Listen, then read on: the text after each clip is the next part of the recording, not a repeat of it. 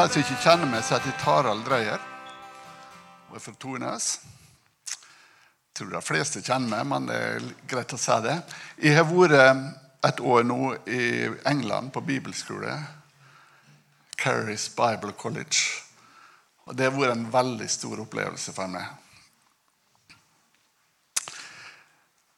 Jeg skal ikke dele så for mye fra det i dag, egentlig, men jeg vil bare nevne det. Eh, Gud er god. Er han ikke god? Selv om det bare er tolv grader ute, så er Gud god. Dette er dagen som Gud har gjort. La oss glede oss og fryde oss på den. La oss glede oss og fryde oss på den. Det jeg tenkte å dele med dere i dag, det er et virkelig et gledesbudskap. Det er virkelig gledesbudskap. Og Dere har hørt mye budskap opp igjennom, så dere kan kanskje lure på fins det noe nytt å dele. er det noe dere ikke har hørt før? Ja, dere har nok sikkert hørt mye av dette før, men Gud la det på hjertet mitt at dette skal jeg minne dere om igjen i dag.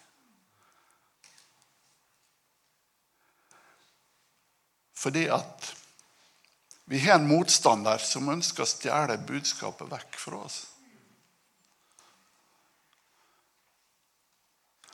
Og han er en Jeg skulle til å si han er en mester. Vi skal ikke overvurdere han. Men han, han bruker å fordreie ordet. Han begynte allerede med Adam og Eva i hagen. Og så sier han det har Gud virkelig sagt. Og når han frista Jesus, så begynte han òg å fordreie ordet. Han Siterte Guds ord, men han siterte det på en fæl måte. Og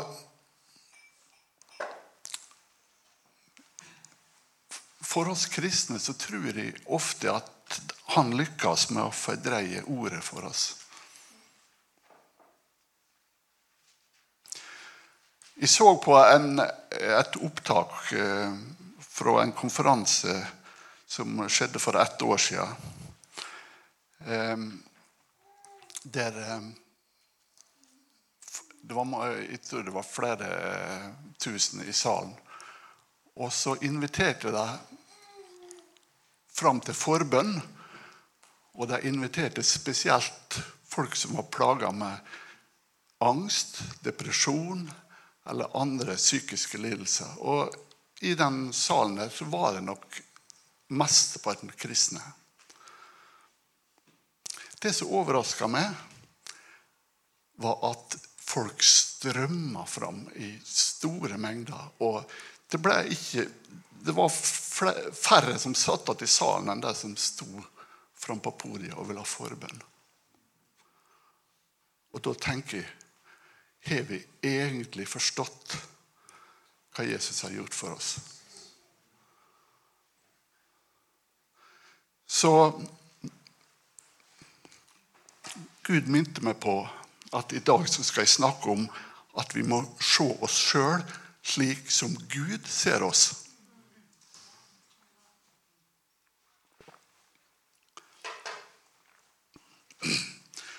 Og Da skal jeg begynne med å lese fra Lukas evangelium, kapittel 15. Det er en historie som dere kjenner godt, de aller fleste, vil jeg tro. Det er om, om han faren som hadde to sønner. Og så den yngste sønnen, han, han gjorde noe veldig dumt. Historien kjenner vi ofte som eh, den bortkomne sønnen. Men i eh, den bibelutgaven som jeg leser nå, så har den fått en ny overskrift. Og Der står det 'Den kjærlige far'. Og det syns jeg var en mye bedre overskrift.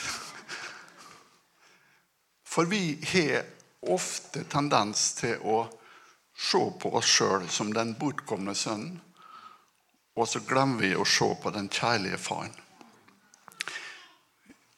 Jeg skal lese historien. og Jeg skal faktisk ikke lese riktig hele, men eh, jeg begynner på vers 11 i Lukas 15.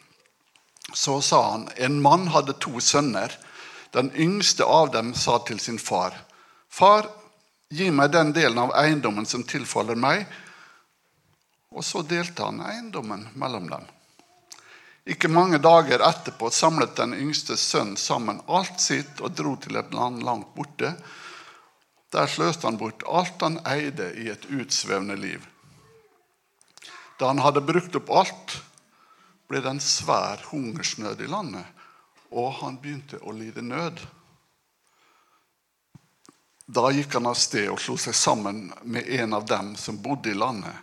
Han sendte ham ut på markene for å mate svin. Han spiste seg gjerne mett på de belgfruktene grisene åt av, for ingen ga ham noe. Men da han kom til seg selv, sa han, hvor mange av min fars leietjenere har brød i overflod, mens jeg selv går til grunne av sult. Jeg vil stå opp og gå til min far og si til ham, Far, jeg har syndet mot himmelen og mot deg. Jeg er ikke lenger verdig til å kalles din sønn. Gi meg en tjeneste som en av leiekarene dine. Han sto opp og kom til sin far, men da, men da han fremdeles var langt unna, så hans far ham og fikk inderlig medfølelse med ham. Han sprang ham i møte, falt ham om halsen og kysset ham. Sønnen sa til ham, 'Far, jeg har syndet mot himmelen og mot deg, og jeg er ikke lenger verdig til å kalles din sønn. Men faren sa til sine tjenere, hent fram den beste festdrakten og ha den på ham, og sett en ring på hånden hans og sandaler på føttene hans. Kom så hit med gjøkalven og slakt den, og la oss ete og være glade, for denne sønnen min var død og er blitt levende. Han var fortapt og er funnet, og festen og gleden begynte. Jeg vil stoppe, stoppe der. Det, jeg tror det er litt typisk for en del kristne at vi, vi ser som så Far, jeg har syndet mot himmelen og mot deg, og jeg er ikke lenger verdig til å kalles din sønn.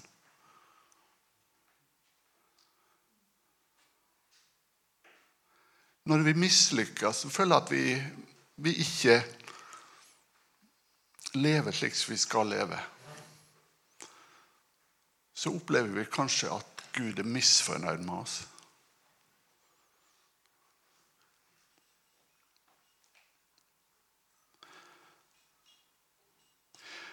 Men når vi ser på reaksjonen til faren Han hører ikke engang etter hva han sier. Han hører ikke på, eh, han, han tar ikke opp til diskusjon engang. Han ser bare 'hent fram den beste festdrakten og ha den på ham', og sett en ring på hånden hans og sandaler på føttene hans.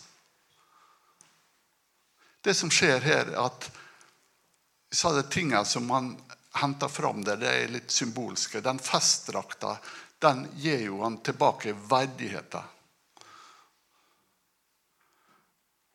Og ringen gir han tilbake autoriteten.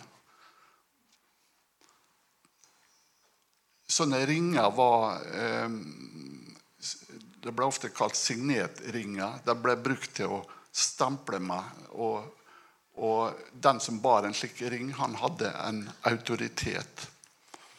Den samme autoriteten som faren hadde. Og sandaler på føttene viser at han ikke lenger var noen fattig. De, de fattige de gikk uten sko.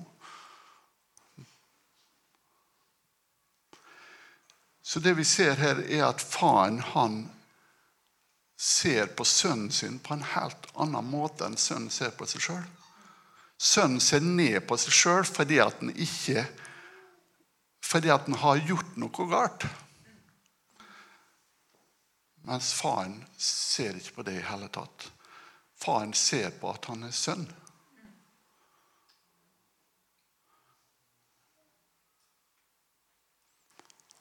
Og det er det jeg vil prøve å formidle til oss i dag.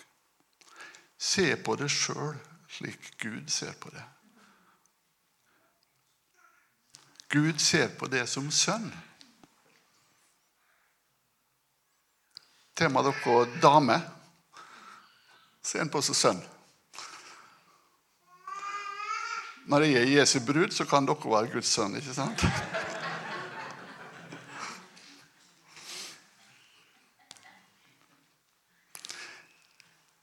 Når vi blir frelst, så skjer det noe radikalt med oss.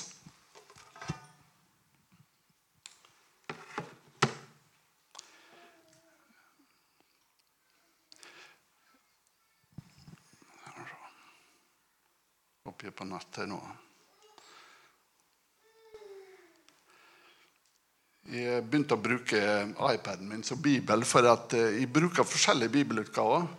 Så hvis jeg skulle ha med meg papirbibel, så har jeg kommet til en stabel på fem-seks stykker. Det er så upraktisk. Skal vi se. Men dere kjenner det som står i 2. Korinterbrev 5,17. Skal vi se Nå skal vi hente fram det, da.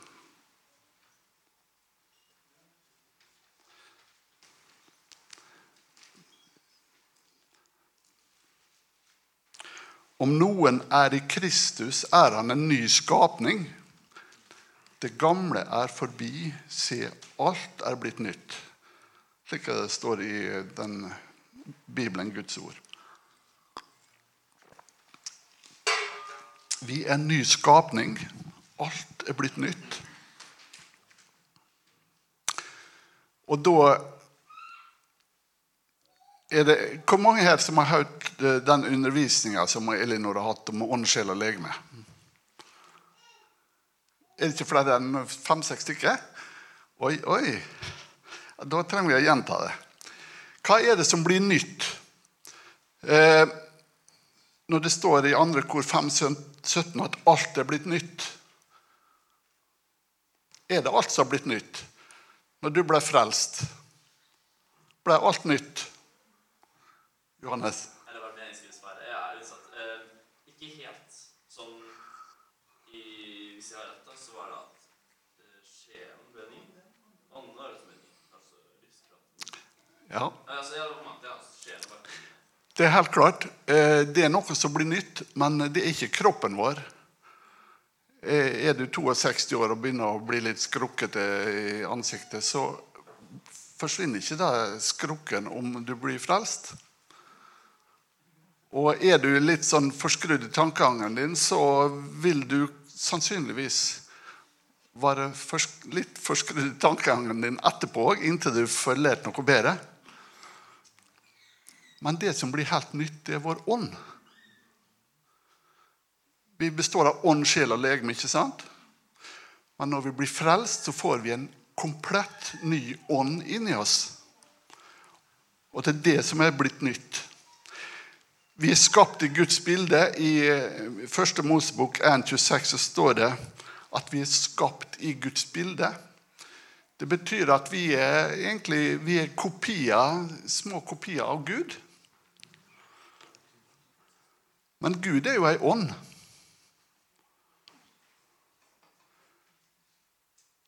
Så når vi, når vi er skapt i Guds bilde, så betyr det at vi har fått ei ånd som er lik Gud. Det er spennende. Det blir ofte sagt at vi er ei ånd som har ei sjel og bor i en kropp. Har dere hørt det uttrykket før? Ja. Ikke så dumt å si det på den måten. Det står òg at vi er et tempel for Den hellige ånd. 1. Korinterbrev 6,19 står det. Vi er tempel for Den hellige ånd. Så Den hellige ånd bor i oss. Det er flott.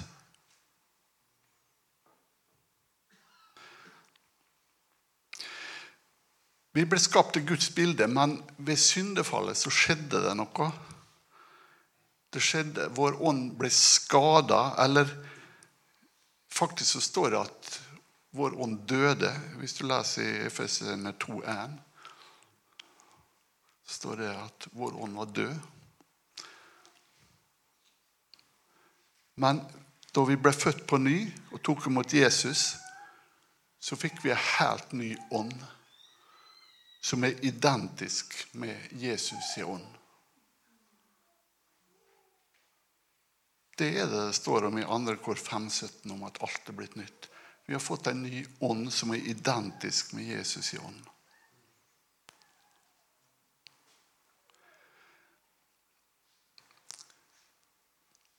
Derfor så skal vi slutte å prøve å være hellig. Når du våkner om morgenen, så skal du ikke tenke at å, i dag må jeg ta meg sammen og lese Bibelen og, og uh, gi tiende og gjøre masse gode gjerninger. For det er ofte sånn vi tenker. Vi er misfornøyd med oss sjøl. Likeens som bortkomne sønnen Han var misfornøyd med seg sjøl, med måten han hadde forvalta livet sitt på. Sånn er vi òg. Og vi er ofte et prosjekt om at vi skal ta oss sammen og, og, og bli hellig.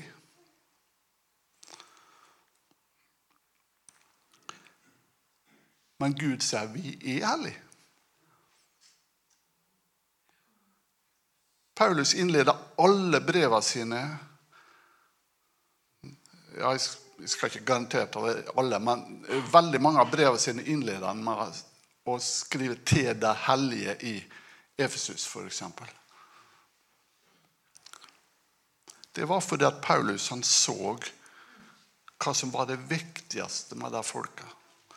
Det var at de hadde fått en ny ånd inni seg som var hellig.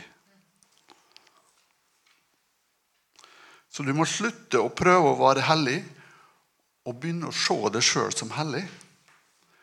La Gud få lov å definere hvem du er, og ikke prøve å definere deg sjøl.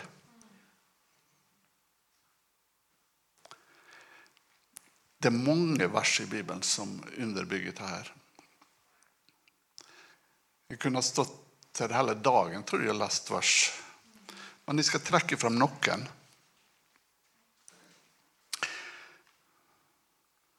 Og det ett av dem er det som står i 2. Korinterbrev 5, 21. Og da eh, Siden jeg har vært i England nå, så velger jeg å lese det på engelsk. God made him who knew no sin to be sin for us, that we might become the righteousness of God in him. Grunnen til at jeg leser det på engelsk, er at jeg syns den engelske eh, versjonen er bedre enn den norske. For i den norske versjonen så står det at han som ikke visste av synd, gjorde Gud til synd for oss, for at vi i han skulle få Guds rettferdighet. Det står i alle de norske bibelutgavene. Og Jeg sjekker en fire-fem engelske bibelutgaver. Der står det at vi har blitt Guds rettferdighet. Og Det syns jeg er sterkere uttrykk enn at vi har fått Guds rettferdighet. For Har vi fått Guds rettferdighet, så kanskje vi setter henne i bokhylla eller legger henne på bordet eller mister henne. Men har vi blitt Guds rettferdighet, da er, vi, da er det skjedd noe med oss som forteller noe veldig, veldig viktig om oss sjøl. Vi er blitt Guds rettferdighet. Sånn at vi bytter plass. Jesus blei synd for oss, og vi blei rettferdighet. Det var motsatt før. Jesus var rettferdighet, og vi var synd. Og så bytta vi plass, slik at han ble synd, og vi ble rettferdighet. Det er, det er veldig sterkt. Grunn virkelig på disse ordene her at vi har blitt Guds rettferdighet.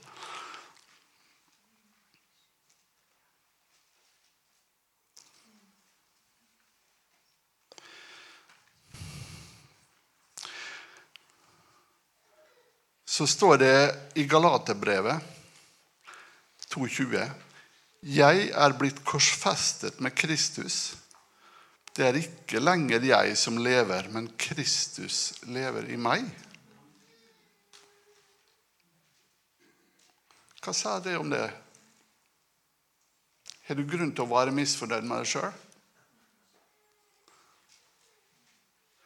Det er ikke lenger du som lever, men Kristus lever i det. Fantastisk.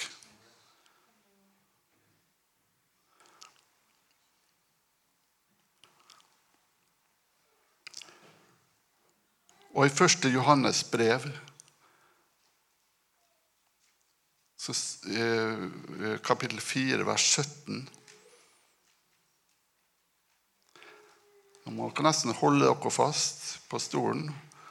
Ved dette er kjærligheten gjort fullkommen blant oss, at vi kan ha frimodighet på dommens dag. For som Han er, slik er vi i denne verden. Slik som Jesus er, slik er vi. Og vi kan kanskje akseptere at vi skal bli slik når vi kommer til himmelen.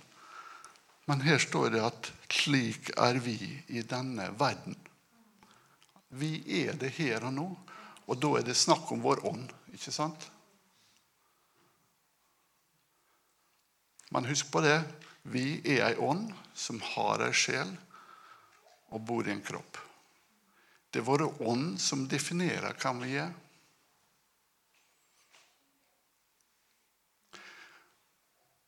Men vår sjel, våre tanker, vår, vår resonnering, vår fornuft, sier ofte noe annet. Og vi har så lett for å høre på sjela vår mer enn vi hører på hva Bibelen sier om ånda vår.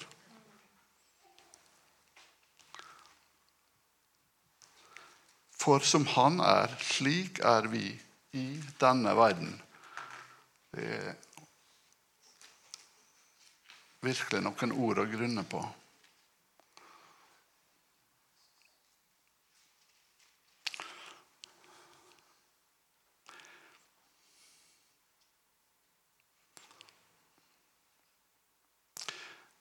Gud sier at vi er hellige. Start hver eneste dag med å se deg sjøl som hellig. Ikke prøv å bli hellig, men takk Gud for at Han allerede har gjort det hellig.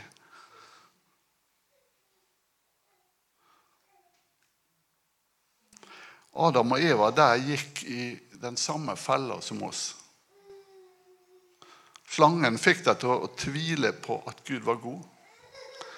Han fikk dem til å tro at Gud holdt noe tilbake.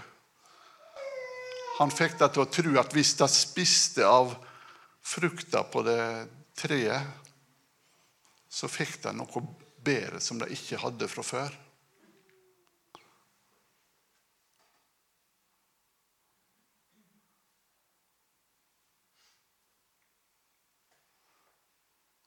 Utfordringa vår er å se hva vi har i Kristus, og leve i samsvar med det. Tenke i samsvar med det, handle i samsvar med det, tale i samsvar med det.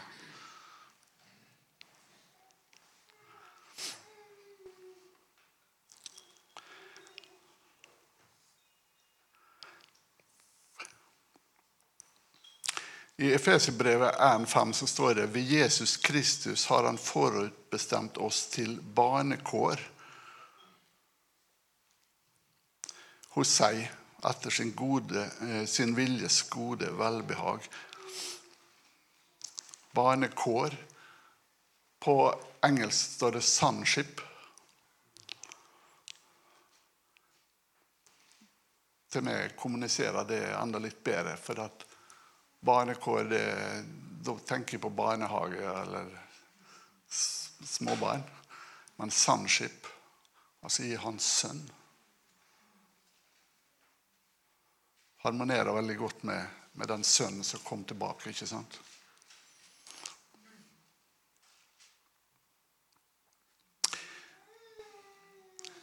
Vi er sønner, eller døtre hvis du vil det, av Gud i himmelen. Da Jesus ble døpt av Johannes Det står om, eh, om den historien i evangeliet, men jeg liker best den som står, står i Markus, kapittel 1, vers 11. Der står det når Jesus kom opp av vannet, så åpna himmelen seg.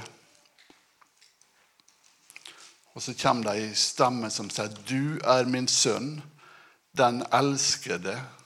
I deg har jeg velbehag.' Og jeg har lest den der mange ganger.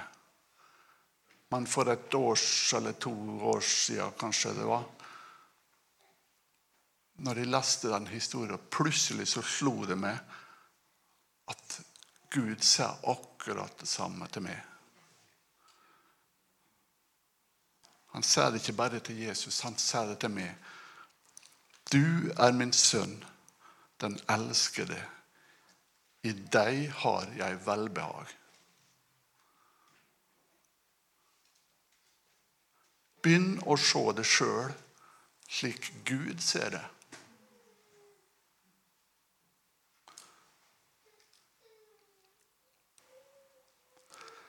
Alt som Jesus er, er inni det. Og er du klar over det, så vil det begynne å stråle ut av det. Og hvis Jesus ikke stråler ut av det,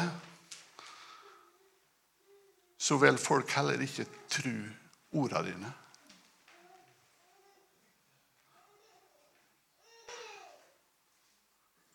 Så vår utfordring er å se hva som bor inni oss, slik at det kan begynne å stråle ut av oss. Og da får vi autoritet.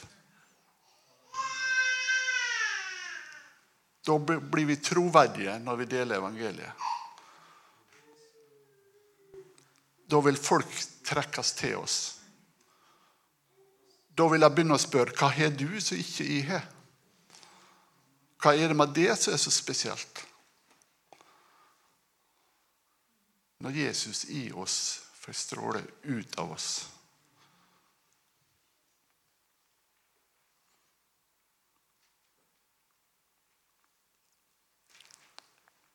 Hvorfor ble du frelst?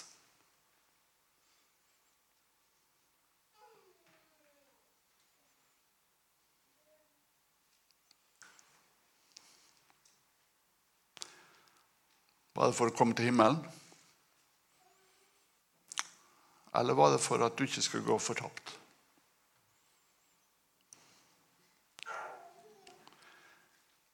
Egentlig så var det ikke noen av det delene.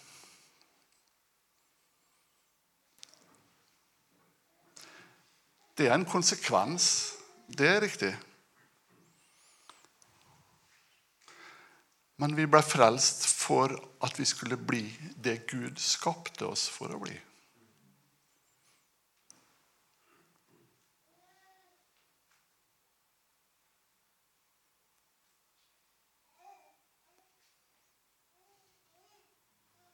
Jesus ble ikke korsfesta fordi jeg er en synder, men det er fordi at jeg er verdifull.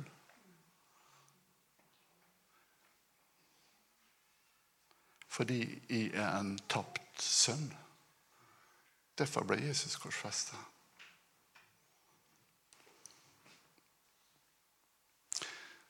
Så det handler ikke om hva du gjør, men om hva du er. Jeg tror det er da vi kristne kan bli deprimerte hvis vi begynner å se, begynner å se på hva vi gjør, i stedet for at vi begynner å se på hva vi er.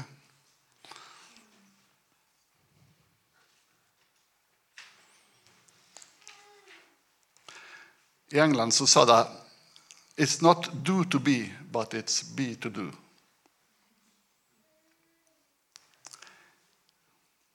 It's not do to be, but it's be to do. Altså Det handler ikke om å gjøre noe for å bli noe. Men det handler om å være noe. Og for når vi er noe, så kan vi gjøre noe som et resultat av det. Skjønner dere forskjellen? Vi kan ikke bli hellige ved å gjøre gode gjerninger. Men når vi begynner å skjønne at vi er hellige, så vil de gode gjerningene strømme ut av oss. Not do to be, but be to do. Do to be handler om gjerninger, mens be to do handler om fellesskap med den ene sanne Gud i himmelen.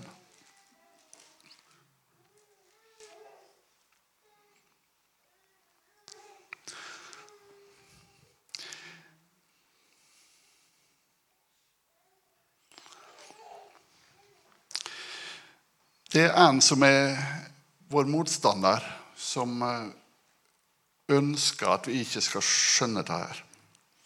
Han er kjent for å stjele, drepe og ødelegge. Og det, det prøver han å gjøre hele tida. Men det står noe i andre Korinterbrev, kapittel 10, vers 4-5. Våre stridsvåpen er ikke kjødelige, men i Gud er de mektige til å rive ned festningsverk. Med dem kan vi rive ned tankebygninger og alt stort og alt stolt som reiser seg mot kunnskapen om Gud, og ta hver tanke til fange under lydigheten mot Kristus.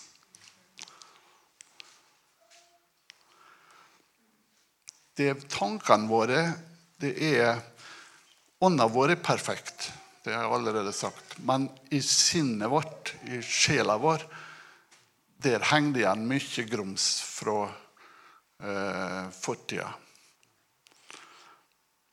Og det er i tankene våre at, at djevelen frister oss. Han kommer med løgnene sine og, og forskanser seg i tankene våre. Men ved å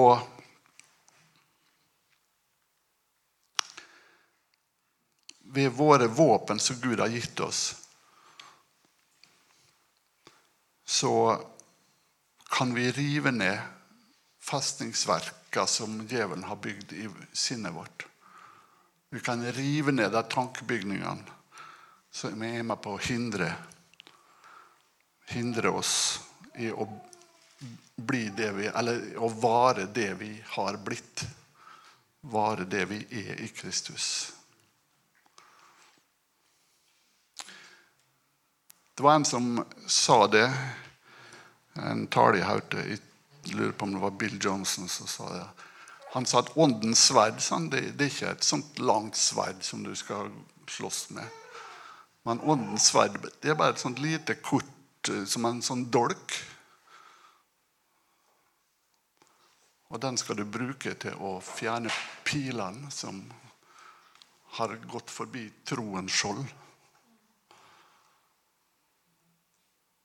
Er dere med på bildet? Vi har fått troens skjold til å forsvare oss mot den vonde. Men så går det av og til ei pil forbi og treffer oss. Men da bruker vi åndens sverd, som er Guds ord. Få ut igjen. Få vekk.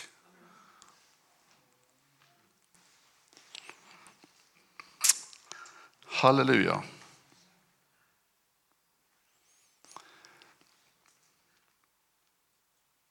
Var ikke det gode nyheter? Var det noen som fikk en liten åpenbaring i dag? Håper det. At det ikke ble helt vekkasta.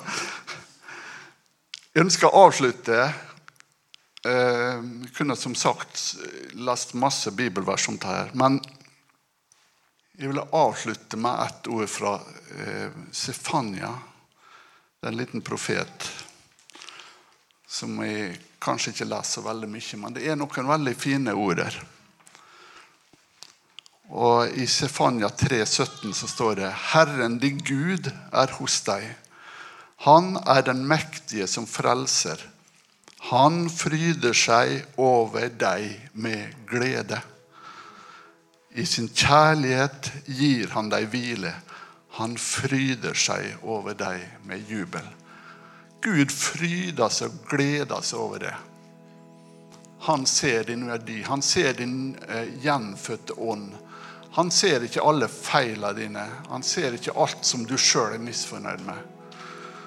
Han ser den sønnen du er, og som du er født til å være. Og han gleder seg og fryder seg over det.